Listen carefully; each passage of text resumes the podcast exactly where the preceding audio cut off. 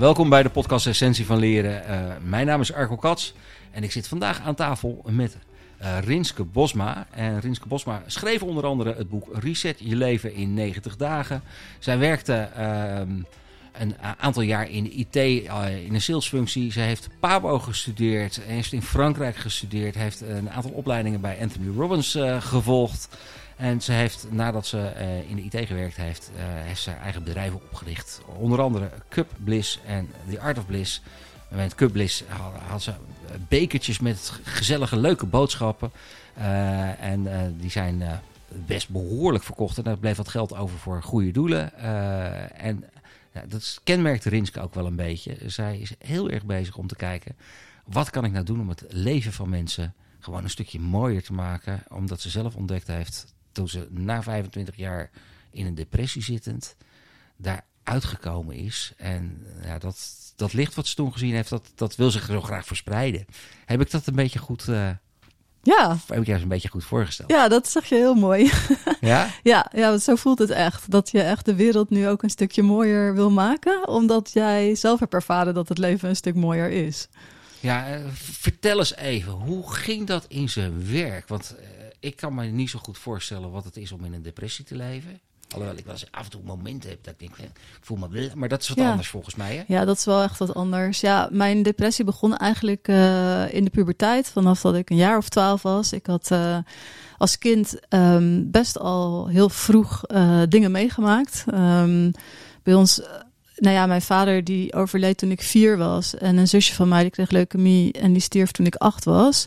En bij ons was het altijd heel veel um, ziekte en, en overlijden. En um, hmm. dat, heeft, dat had heel veel dingen met mij gedaan. Want, en dan denk je op een gegeven moment dat het leven verliezen is. Ja, het, het was meer van als kind leefde ik heel erg in een fantasiewereld die ik zelf had gecreëerd. Dus dat was prima. Ja. Maar dan kom je in de puberteit en dan kan je die kinderwereld niet meer vasthouden. Want dan wordt het leven steeds serieuzer. En toen kon ik niet dealen met al die emoties die ik toen zeg maar uh, ja, weg had gedrukt. Ja. En, en dat zorgde eigenlijk voor een depressie. En um, dus wat ik had meegemaakt en ook wel, um, ik ben ook wel heel best wel um, christelijk opgevoed dat we twee keer naar de kerk gingen. En daar hoorde ik in de kerk altijd dat wij uh, zondige mensen waren. Dus mm -hmm. dat we het niet goed deden. Dus dat had dat met mijn zelfbeeld gedaan. Dus ik vond mezelf echt een heel slecht mens. Ja. En ik had gewoon zoiets van ja, de wereld die alles kan veranderen in een, in een seconde. Dan kan er iemand doodgaan. Of, ja. uh, dus dat is, heel, dat is heel eng. Dus je hebt geen vertrouwen in de wereld. Je weet niet wat er gaat gebeuren. Je weet dat de allerergste dingen kunnen gebeuren. Ja. Je, je en dan durft, denk je ook nog een keer dat je zelf slecht bent. En dan ben je zelf ook slecht. En je durft je niet echt heel erg meer van mensen te houden. Want stel als die ook doodgaan, ja, dan wat heb je dan nog? Weet je Ja. wel? Dus. En um, nou ja, dan ben je puber, dus dan is het misschien lastig ook uh, om over je gevoelens te praten, om ze te Mhm. snappen. En in die tijd was er nog helemaal geen aandacht voor. Was nog helemaal geen psychologen die dan misschien konden begeleiden. Nee. Dus, dus ik deed altijd net alsof, alsof er niks aan de hand was. Kon ik heel goed. Keeping up appearances. Ja, daar was ik echt, echt super goed in. En heel veel mensen wisten ook helemaal niet dat dat allemaal door me heen ging. Ook niet toen ik ouder werd en toen ik ging studeren. En ik trok me altijd terug op momenten dat het heel slecht ging. Ja. En als het dan weer een tijdje goed ging, dan sprak ik weer af en dan deed ik weer leuk. ja. En voor de rest deed ik altijd gewoon leuk, alsof er niks aan de hand was. Ja, maar daar werd ik wel heel moe van. Dat was En een dat is heel... een masker, hè? Wat je dan, dan erbij hebt. Ja, het was echt... Ja, het was een soort van alter... overlevings, overlevingsmechanisme wat je Ja. opgebouwd had en, en, en koesterde. Absoluut. En uh, je werd er wel echt heel moe van. Dus je was vaak ziek Ja. en uh, je lichaam deed altijd pijn. Want ja, je was dus totaal niet in sync met wat er echt met je aan de hand was. Nee. Nee. Maar en, en, en, hoe komt dan op een gegeven moment zo'n moment? Is dat er iemand geweest die aan jou gevraagd heeft, eh, maar eh, en hoe gaat het nou echt met je? Nee, het, het, het, het uh, dieptepunt is eigenlijk gekomen uh, echt al veel jaren daarna pas. Um, want het leven had voor mij, ik vond het sowieso niet heel fijn om te leven. Het mocht voor mij echt elk moment afgelopen zijn. Maar, en ik dacht er ook wel eens over, hè, om dan uh, er misschien uit te stappen. Maar Mhm. daar deed ik eigenlijk niks mee, totdat ik op een gegeven moment um, ja, ook ging scheiden um, met mijn partner. En ja, daarna toen stortte mijn wereld zeg maar zo in. En ik werd verliefd op een ander. En dat was ook allemaal uh, toestanden. Dat ik dacht, nou weet je, het, het is gewoon klaar. En de wereld is beter af zonder mij. En ik ben alleen iedereen tot last. En, um, en toen heb ik dus inderdaad op het punt gestaan om er dan een eind aan te maken. En um, nou ja, dat is dan zeg maar het moment geworden van mijn totale verandering. Want um, op dat moment heb ik dus een stem gehoord die tegen mij zei: Rinske, je hebt het recht om gelukkig te zijn. En toen is dat bij mij zo binnengekomen. Omdat ik Mhm. altijd dacht, nou, gelukkig is voor iedereen, behalve voor mij. En toen opeens toen zei een stem tegen mij, Ja. je mag gelukkig zijn. En toen heb ik ook in dat moment heb ik besloten, oké, dan blijf ik leven. Maar dan moet alles anders. En toen ben ik Mhm. op zoek gegaan naar, oké, nou, En, en hoe, hoe doe je dat dan? ja, dat Ja, Is leuk echt zo'n een- stem. dat is een hele goede vraag. Want ik had ook zoiets van, ja, hoe dan? Hè? Want ik, Ja. ik, had, ik had toen al wel bij een psychologen gelopen. In de latere jaren, zeg maar. Maar daar vond ik het nooit. Dus ik dacht, nou, ik moet dan echt zelf op zoek. En dat was voor mij ook echt wel een zoektocht van op leven en dood. Ik moest het vinden, want ja, Mhm. dat, dat moest. Dat kon niet anders. Er was maar één optie en dat was vinden hoe ik dan gelukkig zou worden. En toen zijn er echt wel heel veel dingen op mijn pad gekomen. En ze zeggen natuurlijk ook altijd, zoekt en eh, je zult vinden. Ja. Nou, dat was dus ook echt zo, want ik ging echt op zoek en er kwamen opeens allemaal dingen op mijn pad. En een van de, ehm, ja, zeg maar zo'n thought leader op het gebied van geluk, dat was dan Bob Proctor. En ehm, die had het over je mind en over je bewuste en over je onderbewuste en over paradigma's en blokkades in je onderbewuste. En toen dacht ik, oh, dat klinkt wel interessant, dat wil ik Ja. goed gaan begrijpen. Dus dat, ehm, ik heb daar heel veel studie van gemaakt. En toen begon ik dus te begrijpen waar mijn depressie vandaan kwam. Mhm. En dat het dus niet alleen maar was een moeilijke jeugd. ehm, of met DNA, maar dat het echt kwam door ehm, mijn overtuigingen, mijn onbewuste overtuigingen over mezelf. En mijn kernparadigma, mijn zeg maar meest overtuigende, mijn meest onbewuste negatieve overtuiging over mezelf, dat was dat ik ehm, geloofde dat ik nog minder waard was dan niks. Dus als je dat gelooft en daarvan overtuigd bent, ja, dan kan je je voorstellen dat je dan depressief bent. Ja, ja, dat, eh, ik vind het heel moeilijk om dat eh, te, te kunnen geloven, zeg maar. Ja, lucky you. Ja, ja dat. eh, en ik, ik denk dat heel veel mensen die het niet kennen, Ja, dat die dat zich ook niet kunnen voorstellen.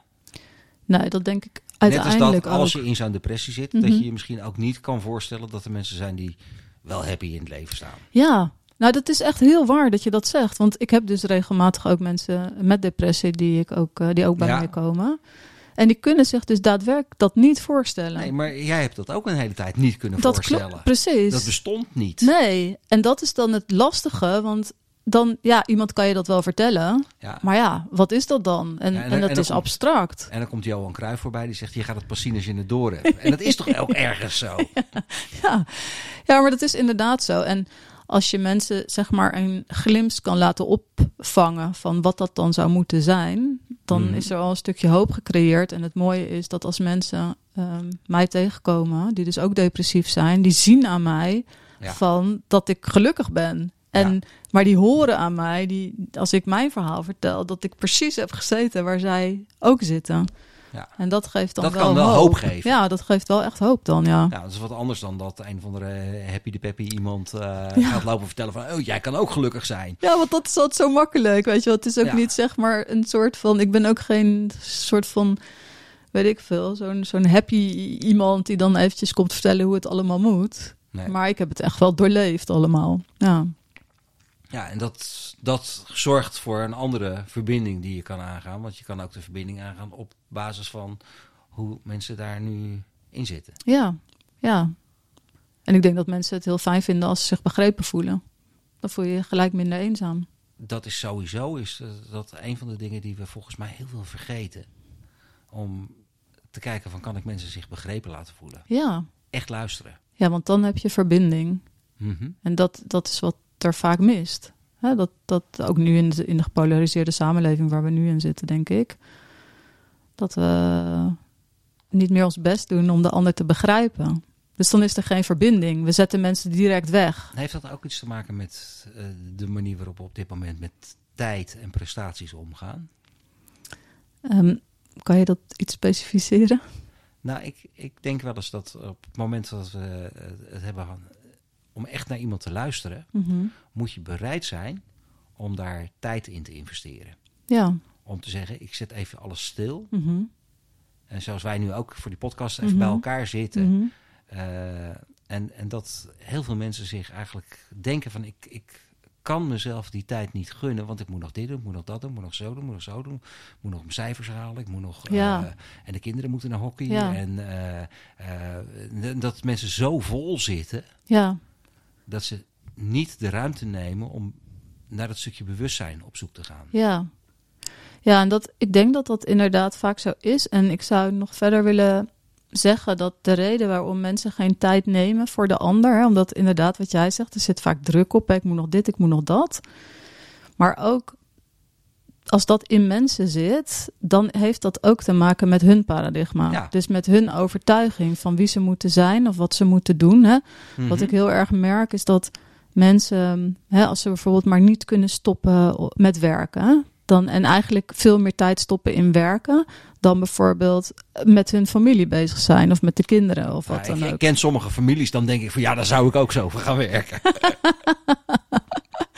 Ja, maar het, het, het bizarre is dat Ja. ze dat eigenlijk niet willen. Dus ze Nee. willen eigenlijk meer tijd met de familie doorbrengen, maar ze doen het toch niet. Nee. En dat is zeg maar die discrepantie tussen wat je wil en wat je doet. Ja. En dat heeft altijd te maken met jouw innerlijke onbewuste overtuigingen. hè? Want er zit dan misschien iets achter van dat jij eh, gelooft dat jij niet geen waardering krijgt. Dus ga je Mhm. heel hard werken om maar waardering te krijgen. En Ja.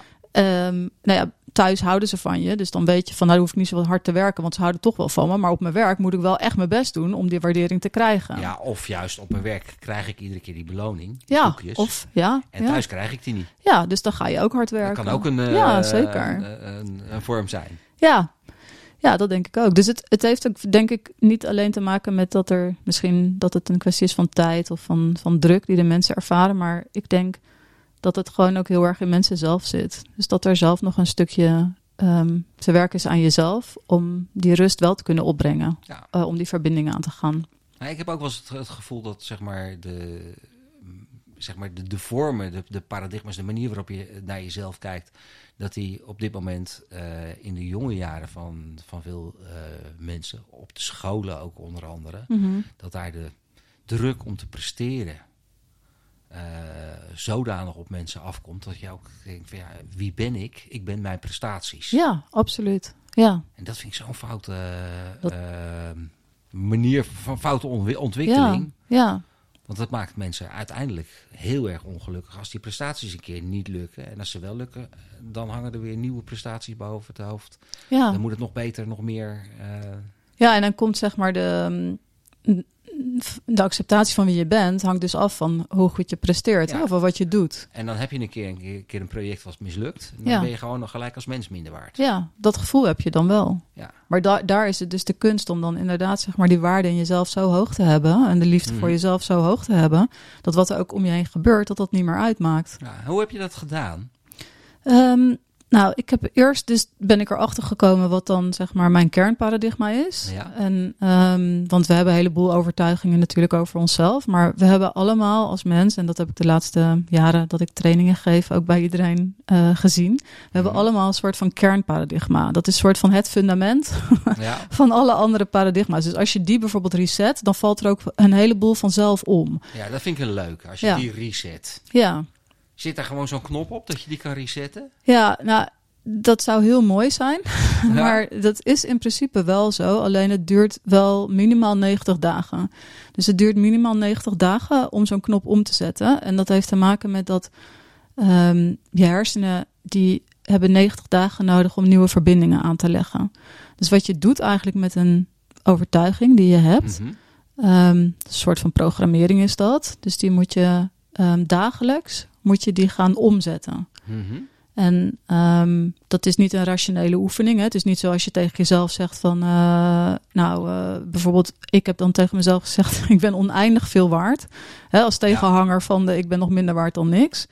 Maar als je dat alleen tegen jezelf zegt, dan gebeurt er niks. Dan is het gewoon een rationele oefening. Kan je duizend keer tegen jezelf zeggen, maar er gebeurt helemaal niks. Mhm. Dus wat je moet leren, je moet leren wat de taal is van het onderbewuste. En daar moet je mee aan de slag gaan. En de taal van het onderbewuste, dat is eh, gevoel. En dat is ehm, beeld. Daar kan het onderbewuste wat mee. Mhm. Dus als je dat eraan gaat koppelen, dan. ehm, en je houdt dat elke dag, je doet dat elke dag en je houdt dat een hele tijd vol. Mhm. Dan gaat er echt wat veranderen. En dan krijg je dus een nieuwe overtuiging. Dan wordt de oude overtuiging die gaat weg. Ja. En een nieuwe overtuiging die wordt geïnstalleerd, zeg maar. En ehm, ja, bij mij heeft dat ongeveer anderhalf jaar geduurd. Voordat ik echt ging van de overtuiging: ik ben nog minder waard dan niks. naar ik ben oneindig veel waard. En dat is echt mijn nieuwe waarheid. Dus dat is heel, heel fijn, is dat. Want Mhm. iedereen kan van alles bijvoorbeeld van mij vinden. Maar ze kunnen nooit aan mijn waarde komen. Want En- die is en- oneindig. En als je zoveel waard bent, ja. dan heb je ook eigenlijk heel weinig nodig. Ja, en het mooie is, als je dus zoveel waard bent, dan ben je dus ook niet bang om dingen te ondernemen. Want je gaat er altijd vanuit dat het ja, wel goed gaat. En anders maakt het ook niet uit, want dan ben je nog steeds evenveel waard. En je hebt dus onwijs veel zin om te geven. Want je Mhm. denkt van ja, ik ben zoveel waard, weet je wel. Ik stroom soort van over. Hier Ja. heb ik nog wat voor jou en ik heb nog wat voor jou. Dus Ja. daar komt eigenlijk dat hele, ja, dat, dat intrinsieke, die motivatie vandaan om ook zoveel mogelijk mensen dan te helpen. Omdat het ehm, ja, bij mij zo lekker zit, zeg maar. Ik heb geen bevestiging meer nodig. Mhm. Ik bevestig mezelf. En dat, ehm, ja, dat is eigenlijk heel fijn. En ja, dat geeft je echt heel veel eh, zin om, om anderen daar ook mee te helpen. Ja, dat kan me voorstellen. Ja, Dat, ehm, ja, ik, ik geloof ook inderdaad dat, dat zelfwaardering, Mhm. dat dat een, een hele belangrijke kern is om eh, zonder al te veel moeite heel veel dingen voor elkaar te krijgen. ja. ja, dat denk ik ook. En dat als je jezelf niet waardeert, dat je vaak ook niet bezig bent om een ander te helpen, bijvoorbeeld omdat je de ander wil helpen, maar omdat je denkt dat daar je eigen waarde misschien door Ja, groeit. dan krijg je dat complimentje en eh, dan zien Ja, ze je en als dat staan. complimentje dan uitblijft, dan ben je Ja, teleurgesteld. precies. Ja, want hoeveel mensen zijn er niet teleurgesteld in een ander ook? Ja, Ja. heel veel. Ik denk het ook. En dat komt altijd omdat je natuurlijk bepaalde verwachtingen hebt. En ook vaak de verwachting hebt dat mensen terugdoen wat jij ook voor hun doet. Maar dat is Nee. natuurlijk helemaal niet zo. Nee, maar waarom zouden ze dat moeten doen? Ja, dat is een goede vraag. Als je iets doet voor een ander, Ja. dan doe je het toch voor de ander. Ja, en dat is heel En erg ik van... kan me wel voorstellen dat transacties, hè, want je hebt in, in eh, het zakelijke wereld, Mhm. heb je natuurlijk wel altijd te maken met een bepaalde balans in transactie. Ja, Eh, als jij zegt, ik ben oneindig veel waard mhm. en eh, een ander behandelt je shit, ja, dan zeg je op een gegeven moment van ja, dan heb ik ook geen zin om degene die mij als shit behandelt, om die nog wat te geven. ja, maar het, het, het kan ook niet. Want ehm, ik geloof heel erg dat mensen zeg maar een spiegel zijn van wat er in jou zit. Mhm. Dus als iemand ehm, mij zou behandelen alsof ik niks waard ben, dan zou die persoon ook heel makkelijk uit mijn leven gaan. Of die zou ik niet in mijn leven toelaten, omdat ik zoiets Mhm. heb van nee, want zo ga je niet met mij om, want ik ben oneindig veel waard. Ja. Dus je, er komt een soort van natuurlijke schifting van de mensen die jij in je leven hebt en de mensen die er vanzelf uit verdwijnen. ja. Moet je misschien wel wat vaardigheden ontwikkelen om je grenzen aan te geven. Ja, ik denk dat er. Je, dat zou heel handig zijn, inderdaad, om daar ook wat mee te doen. Maar ik geloof ook wel dat als het namelijk echt. weet je, gedrag vloeit voor 95% voort uit je onderbewuste en uit die overtuigingen. Dus als je echt een bepaalde overtuiging hebt, Mhm. Normaal gesproken gaat je gedrag daarin mee. Dus dan, ik, wat ik ook zie, ook bij de mensen die ik train, is dat als ze hun paradigma resetten, dan wordt het makkelijker voor ze, zonder dat ze daar heel erg bij stilstaan, om gewoon makkelijker nee te zeggen of hun grenzen aan te geven. Ja. Omdat het, ja, het gedrag volgt eigenlijk automatisch. Ja, maar in, ehm, ik heb eh, onlangs een aantal podcasts gemaakt die onder andere ook te maken hadden met hoe zit je lijf erin. Ja, Eh, dat ook daarbij zeg maar het, het goed voor je lichaam zorgen, Mhm. eh, dat dat ook helpt om eh, nog, nog ja, je grenzen beter aan te geven. Want dat geeft je de fysieke vaardigheden. ja, ja, dat is zo. Ja, en ik denk ook van als jij gewoon veel van jezelf houdt Ja. en je vindt jezelf veel waard, dan ga je ook goed voor jezelf zorgen. Dan ga je beter inderdaad. Ja, beter en dat gaat zorgen. automatisch. Ja. Want, want dat, ja, opeens als jij meer waard bent, dan ga je ook gewoon Ja. daar makkelijker over nadenken. Ja, je denkt er niet eens over na. Het gaat eigenlijk een soort van automatisch. Ja. ja. En de, want iets wat, wat veel waard is, daar zorg je goed Ja, voor. precies. Ja. En iets wat waardeloos is, dat mag je weggooien. ja, dan mag je verwaarlozen. Dat Ja, mag je verwaarlozen. ja. en dat Ja. mogen anderen verwaarlozen. En dat anderen is misschien nog wel veel erger. Ja. Ja. Hey, ehm, als jij dan, dan met mensen aan de slag gaat, hè? Mhm.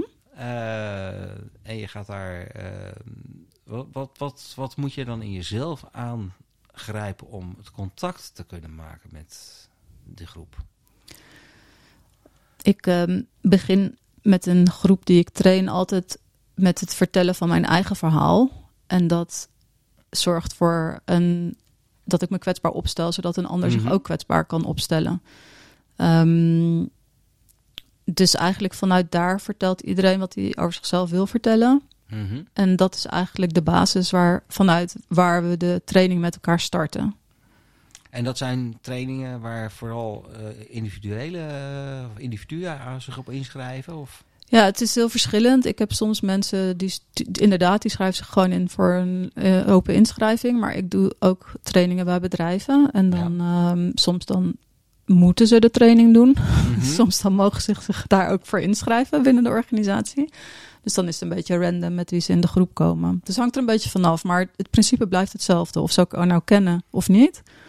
Ja. Ehm, ik doe de training op dezelfde manier. En het, de- de focus is gericht op de individuele ontwikkeling. Ja, het is echt, het gaat om persoonlijke ontwikkeling. En het mooie daarvan is, ik, ik train ook alleen maar groepen. Ja. En nooit individueel begeleid ik mensen. Mhm. Omdat ik heb gemerkt dat juist in een groep ehm, mensen ehm, ook heel veel van elkaar leren. ja. En ook elkaar gewoon heel erg gaan supporten. En dat er ook altijd heel veel overlap is. Dus ehm, opeens ben ik met iemand in gesprek in de groep. En dan denk je van, oh, maar dat heb ik ook. ja. En dan zonder dat het helemaal over jou gaat, dat het hele tijd één op één is, kan jij gewoon van de zijlijn meeluisteren en denken: oh, maar dit is ook op mij van toepassing. Dus dan heb je zeg maar dezelfde informatie, maar dan, het gaat gewoon niet constant over jou. En dat is soms wel heel erg lekker. Ik merk dat dat ehm, voor heel veel mensen, eh, dat het proces om dus hun paradigma te resetten in die 90 dagen, Ja. dat dat veel sneller gaat met elkaar in een groep. ja. Vinden mensen dan, dan steun daarbij? En ook dat je zegt van hé, maar je kan ook elkaar eens even opbellen, buddy systemen, dat soort dingen. Zet je dat ook in? Ja, we hebben altijd een appgroep per Ja. eh, groep. en dan, dan, dan moeten ze ook ehm, hun huiswerk. eh, ze moeten dan een emoticon in de app zetten als ze hun huiswerk hebben gemaakt. Dat is maar een paar minuten per dag, ehm, twee minuten of zo. En, ehm, en ze mogen daar ook hun vragen in stellen. En elkaar inderdaad gewoon eh, supporten. Dus op wat voor manier dan ook. En dat is echt heel leuk. Want sommige groepen zijn heel actief. En de andere Ja. misschien wat minder. Maar het helpt altijd wel enorm. Ja, nou, het is altijd leuk op het moment dat je ziet dat daar een bepaalde dynamiek in ontstaat. Hè. Ik vind het altijd heel spannend ook om te kijken waar, als je met iets nieuws weer begint. Wat gaat er op je afkomen? Ja, ja, ja. En dan had jij ook nog, nog eh, dat hebben we net ook in het voorgesprek ook nog even over gehad. Jij hebt ook nog iets gedaan op het gebied van, van de bekertjes met mooie quotes. Ja. Kun Ja. je daar nog iets over vertellen? Ja, ik had, toen ik uit mijn depressie kwam, toen had ik zoiets van, eh, ik moet dus wat terugdoen voor de wereld. Dat was heel erg sterk mijn drive. Ja. ik dacht van, nou, nu ben ik gelukkig, nu ga ik helpen de wereld wat mooier te maken. En toen had ik ehm, dus een concept bedacht om ehm kansarme kinderen te helpen. Ik was zelf ehm, in mijn puberteit keer geraakt door een programma over kinderen in de prostitutie in India. Dus ik had altijd zoiets van, nou, daar wil ik nog bij gaan helpen ooit. Ja. En toen had ik dus bedacht van, eh, oh, ik ga dan een, eh, een bedrijf beginnen en dan ga ik eh, de helft van mijn winst weggeven. Eerst wilde ik mijn hele winst weggeven en toen kwam ik er na een jaar, jaar achter dat dat niet zo handig Dat is een want beetje dan, ingewikkeld, hè? ja, dan heb je ook niks meer. Als er dan iets misgaat, dan ligt er geen geld op de plank. Dus dat was niet zo handig. Dus daarna had ik dan de helft van de winst ging ik dan weggeven. Maar ik had daar dus een koffiebekertjes voor bedacht, inderdaad. Dus ik dacht van, dan ga ik hele vrolijke koffiebekertjes maken in leuke kleurtjes. En dan maak ik er hele positieve teksten op. En dan kunnen mensen op hun werk gewoon die leuke bekertjes eh, daaruit drinken. Mhm. En dan een beetje gesprek met elkaar aangaan, misschien daarover. Dus dat bracht dan niet alleen eh, plezier op de werkvloer, maar ook ehm, dus dat we de goede doelen daarin eh, gingen steunen. Ja. dus dat hebben we gedaan. Dat hebben we gedaan tot, tot 2019. En het was heel succesvol. Ja, en toen kwam corona en toen gingen al mijn klanten dicht. Ja. Die zijn wel anderhalf jaar dicht gebleven, mijn grootste klanten. ja. Dus toen gingen de bekertjes niet meer zo hard. Dus toen, ehm, ja. Wat deed dat met je? Oh, van dat het... Uh, dat dat instort, hè? Ja, ik vond het heel erg. Ja, dat vond ik echt heel erg. Ja, want ik was net bezig met een project om uh, mee te doen aan een um, kindbruiden in India. Die worden dan verkocht aan een tempel en misbruikt daar. Dus daar was ik uh, heel erg in geïnvested in, zeg maar. Ja. Ook om daar naartoe te gaan. Ja, en toen viel mijn hele business in elkaar. En uh, ik ging van 10 miljoen bekers in 2020 naar 500.000. En um, ja, vond ik wel echt heel erg. Voor, ook gewoon voor die kinderen dan. Ja. En dat ik dus niet meer kon geven. En ja, dat was wel even pijnlijk. Dat je zoiets hebt van ja, maar dit heb ik bedacht. En ja, dit moet, dit moet, ja, mm -hmm. hoe kan dit? Hoe kan dit nou gebeuren? Ja, maar ja, goed, weet je, dat is ook het leven. En dat is dan ook dat ik zoiets heb van. Um, kijk, het is makkelijk om gelukkig te zijn als het leven heel makkelijk is. Maar het is juist de kunst, de art of ja. bliss. En de, het is de kunst van geluk om ook gelukkig te zijn in, als het niet zo lekker gaat. Mm -hmm. En ik heb altijd heel erg sterk zoiets van, um, ja, waar er een uh, deur sluit, gaat er een raam weer open. Dus, um, en dat is ook gebeurd? Want je gelooft daarin, je vertrouwt Ja, daar daarop, geloof ik echt heel uh, erg in. Ja, en het is niet, dat is, soms duurt dat ook wel een tijd. Hè? Ik bedoel, die bekerbusiness die is nu, um, ja, met allemaal nieuwe wet en regelgeving, uh, moet dat ook weer heel, heel erg veranderen nu in de markt. Dus ik weet niet wat dat gaat brengen. Maar ik heb zoiets van, ik geef nu dus met trainingen meer trainingen. Ja. En dat trekt ook fijn weer aan, gelukkig. Ja, die markt is weer een beetje in beweging. gelukkig hè? weer in beweging. Ja. En ik denk ook van ja, ik kan natuurlijk net zo goed. Um, ik hoef niet per se bekertjes te verkopen om geld apart te zetten voor het goede doel. Dat kan ik ook in mijn trainingen. Ja. Dus ja, eigenlijk dan is er eigenlijk ook weer niks aan de hand. Nee, je, je kan dezelfde doelen nog steeds op Ik een andere manier bereiken. Precies, precies. Ja. Ja. Ja, Ja. volgens mij is dat ook wel een van de, van de dingen op het gebied van... eh, als je aan geluk wil werken, dat je eh, ergens iets, eh, voor je gevoel iets toe te voegen moet hebben. Ja, ik denk. Als je energie steekt in toevoegen, Ja, dan is dat, maakt dat vele malen gelukkiger. ja. Dat is mijn, mijn stellige overtuiging. Ik weet Ja. niet of ik gelijk. Ja. nee, ik heb gelijk, want het is mijn overtuiging. ja, ik ben helemaal met je eens. Ja. Eh, dat, dat op het moment dat je iets toevoegt, dat je, dat, dat je daar veel gelukkiger wordt dan wanneer je gaat consumeren. ja, ik geloof daar ook heel erg in. En ik noem het altijd bijdragen. Dus zeg Ja. maar ook aan iets hogers dan jezelf. Daar word je het meest gelukkig van, denk Ja. ik. En dat is ook zo. Want als je kijkt om, om je heen, dan zie je ook vaak dat mensen bereid zijn om meer te doen voor een ander dan voor zichzelf. Ja. Dus er, er zit iets in Er ons. zit iets in, in, Er in de iets in mensheid ons, die, zegt van, ja, Ja. je wordt happy van, van iets betekenen. Precies. Van betekenis geven. Ja, inderdaad. En alleen maar onttrekken, dat, dat geeft misschien een hele korte kick. Ja. Maar eh, Het geeft denk ik op de korte termijn een. een op de korte termijn eh, voldoet het aan je behoeften, maar op de lange termijn is denk En- ik bijdragen en, en geven, word je veel blijer van. dat kan je veel langer volhouden. Ja, ja zeker. Ja.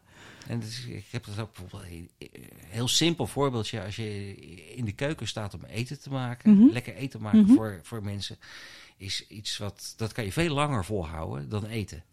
Ja. Als je lekker gaat eten, op een gegeven moment zit je vol. ja, Als je genoeg hebt, dan heb Ja. je genoeg. Als Ja. erbij komt, Mhm. dan wordt het te veel. En dan Ja. het ja, ja, ja. Maar nog wat meer koken voor nog wat meer mensen erbij, dat, dat maakt niet uit. Want dan krijg je niet dat je daar te vol van gaat zitten. Dat, ehm, Ah, dat is wel mooi, hè, ja. Ja, dat vind ik wel mooi, ja. Hey, ehm, als nou ehm, mensen in, eh, in organisaties werken of eh, mensen in hun directe omgeving hebben waarvan ze, eh, waarbij je het gevoel hebt van hey, iemand zit niet zo lekker in zijn vel, Mhm. eh, die zou ik misschien wel eens een keer het echt gunnen Ja, om zich te resetten. ja. Wat zijn dan dingen die mensen kunnen doen om dat voor elkaar te krijgen? Ja, ze kunnen ze natuurlijk naar jouw training toesturen, maar Eh, zijn, er, zijn er nog andere dingen waarmee je kan triggeren? Ja, ik denk dat ehm, als je zelf aan de slag wil gaan, het is wel heel moeilijk om bij jezelf dan erachter te komen wat dan jouw kernparadigma is en om daarmee aan de slag te gaan. Ik heb Ja. daar, dat overigens leg ik dat wel helemaal uit in mijn boek. Dus je kan Ja. dat inderdaad met mijn boek in je hand, kan je dat helemaal zelf ehm, gaan ontdekken. Maar ik denk een van de dingen die ook heel veel invloed heeft en misschien wel veel makkelijker is, dat is dat je gaat focussen op dankbaarheid.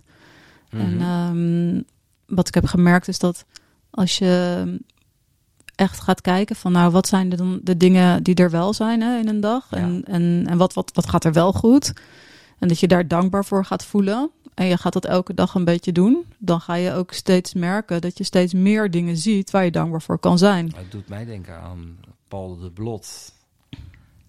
Jij bent bekend met Paul de Blot. Paul de Blot was hoogleraar uh, business spiritualiteit op mm Nijenrode. Ah. Uh, tot zijn 95ste is hij nog heel actief bezig geweest met het geven van presentaties voor ondernemers. Mhm. En, en uh, hij heeft in een jappenkamp gezeten. Wow. Uh, en die had altijd zo'n uitspraak dat hij zei van... Ik, ik, heb een boekje en elke dag schrijf ik daar mijn herinneringen op. Ja. Om het te herinneren. Om het naar binnen te Oh, brengen. Wat mooi. En daar zet ik alleen de mooie dingen in. Ja. Dus de dingen die me blij gemaakt hebben. Ja. En elke dag is er wel iets te vinden wat je blij maakt. ja, absoluut. Ja, ik denk dat dat inderdaad echt een, een van de beste oefeningen is die je kan doen zelf Ja. ook. En dan, wat ik altijd zeg tegen de mensen met training van... schrijf dan niet gewoon drie dingetjes op waar je dankbaar voor bent. Want dat is weer zo'n rationele oefening, weet Ja. je wel. Dan blijft het wel heel erg in je ratio. Maar ga gewoon eens drie minuten zitten. Dus pak een pen en papier, ga drie minuten zitten, zet de Ja. timer... en dan ga je zeg maar een bladzij vol schrijven. En wat dat Mhm. met je doet, is dat op, het op, op een bepaald moment, dan als je steeds opschrijft, ik, ik ben dankbaar voor dit, ik ben dankbaar voor dat, ik ben dankbaar voor dit. Dan ehm, als je over de anderhalve minuut heen bent, dan kom je in een soort van flow. En dan op dat Mhm. moment gaat het dus zeg maar door naar je onderbewuste. Ja. En dat is wat je wil, want je wil dat er op onbewust niveau iets gaat veranderen en dat je daar iets anders gaat voelen. Mhm. En eh, dus daarom zeg ik altijd van je kan beter twee of drie keer in de week een bladzij vol schrijven dan Ja. elke dag twee of drie dingetjes. Want dan blijft het vaak een rationele oefening. Zit er dat dan ook daarin dat je als je een, eh, elke dag gewoon twee dingetjes opschrijft, dat Mhm. het dan eh, bij het kunstje blijft en dat bij het andere dat je de, het bewustzijn echt aanspreekt? Ja, dat, dat, daar geloof ik heel sterk in dat het zo werkt. En, en dat je dat, dat, dat gevoel opzoekt. Ja, want je moet als het ware, als je echt iets wil veranderen in je gedrag, omdat je gedrag wordt voor 95% aangestuurd door je onderbewuste. Ja. Maar niemand weet natuurlijk hoe die zijn onderbewuste moet sturen totdat je dat hebt geleerd. Mhm. Maar dan kan je dus in ieder geval alvast beginnen om proberen dat onderbewuste zoveel mogelijk aan te sturen door je gevoel erbij te gaan betre- betrekken. En beeld. Dus je, dat je het voor je ziet, hè, dingen die goed gaan, Ja. waar je dankbaar voor bent, zie je het voor je, beleef het als het ware nog een keer in je hoofd, voel weer wat je erbij voelde. Mhm. En dan gaat er iets gebeuren in je onderbewuste. Mooi. Ja. En eh, jij bent heel dankbaar ervoor dat je dat ontdekt hebt. Oh ja, ja. ja, ik ben sowieso echt heel, heel dankbaar dat ik dat allemaal uiteindelijk heb begrepen. En dat je dus ook daarmee nooit meer terug kan vallen. Ik kan nooit meer terugvallen in een depressie, omdat ik Nee, nu weet hoe het ten- werkt. Tenzij je voor jezelf op een gegeven moment zegt van ja, nou heb ik al genoeg van dat heavy zijn. het wordt tijd om me gewoon weer eens, depressief. weer eens depressief te voelen. Dan, dan kan het misschien wel werken. Ja, dan misschien. maar ik denk het niet. Ik denk nu ik deze kant heb gezien, dat ik dan liever hier blijf. Dat is niet wat je, niet wat je wil. Hè? Nee. Hey, eh, als, als mensen nou met jou aan de slag willen, waar Mhm. vinden ze jou? Ehm, ze kunnen naar eh, een website. Ja? Ehm, nou, trouwens, ik ben heel makkelijk Googlebar op mijn voornaam. Dus Oh. eh, ik heet Rinske. ja? Met een T in het midden. Dus als je mij eh, googelt met Rinske met een T in het midden, dan... R-I-N-T-S-K-E? Ja, en dan kom ik eigenlijk overal op. Ge... Waar, waar komt die naam eigenlijk vandaan? Het is een Friese naam, maar de meeste hebben geen T erin. Maar dat Ja? is wel echt oorspronkelijk, dus ik ben wel vernoemd. Ja, En, eh, eh, dus niet, niet ehm, eh, Ri- Rintje, maar Rinske. Dat is de vrouwelijke Rinske. variant ervan. ja, zoiets.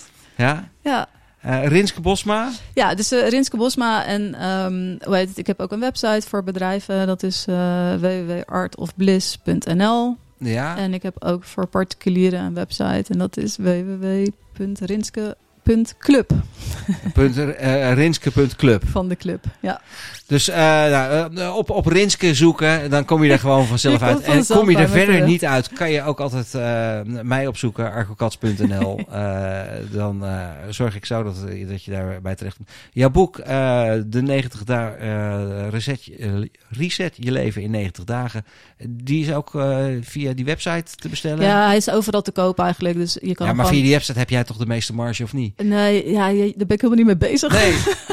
gewoon naar. Gewoon- Of gewoon- naar managementboeken of zo. ja. Ja, ja dit is, eh, dit- ik, ik, ik heb ze ook helemaal niet liggen thuis, dus ik ga ze ook niet... eh, Nee, maar dat, nee. dat, da- daarin vind je wel een, een, een lekker praktische handleiding. Ja, zeker. je hebt hem net voor mij meegebracht. Dank je wel ja, trouwens voor het cadeautje. Ja, En nou, ik, we zitten inmiddels al de, over de 30 minuten. oei. Dus eh, we gaan gewoon eh, deze podcast weer eh, richting een einde toe doen. En dan hebben we zo'n mooie tune weer bij. Top. nou, dankjewel voor het luisteren. Hoe vond je het trouwens om zo in de, deze podcast te zitten? Ja, heel leuk. Ik ben heel benieuwd om hem af te luisteren. Ja, Maar ik vond het een heel fijn gesprek. nou, Dus ik ook. dankjewel. Eh, en volgens mij hebben we wel weer wat positieve energie die de wereld ingebracht kan worden. Eh, zoek elkaar op en eh, ja, reset je leven op het moment dat het een beetje te ingewikkeld of te lastig of niet leuk is. Eh, het kan. Het is misschien wel af en toe hard werken. Ja. Maar ja, laat het vooral. Geef het die kans. Dank voor het luisteren en graag tot de volgende podcast.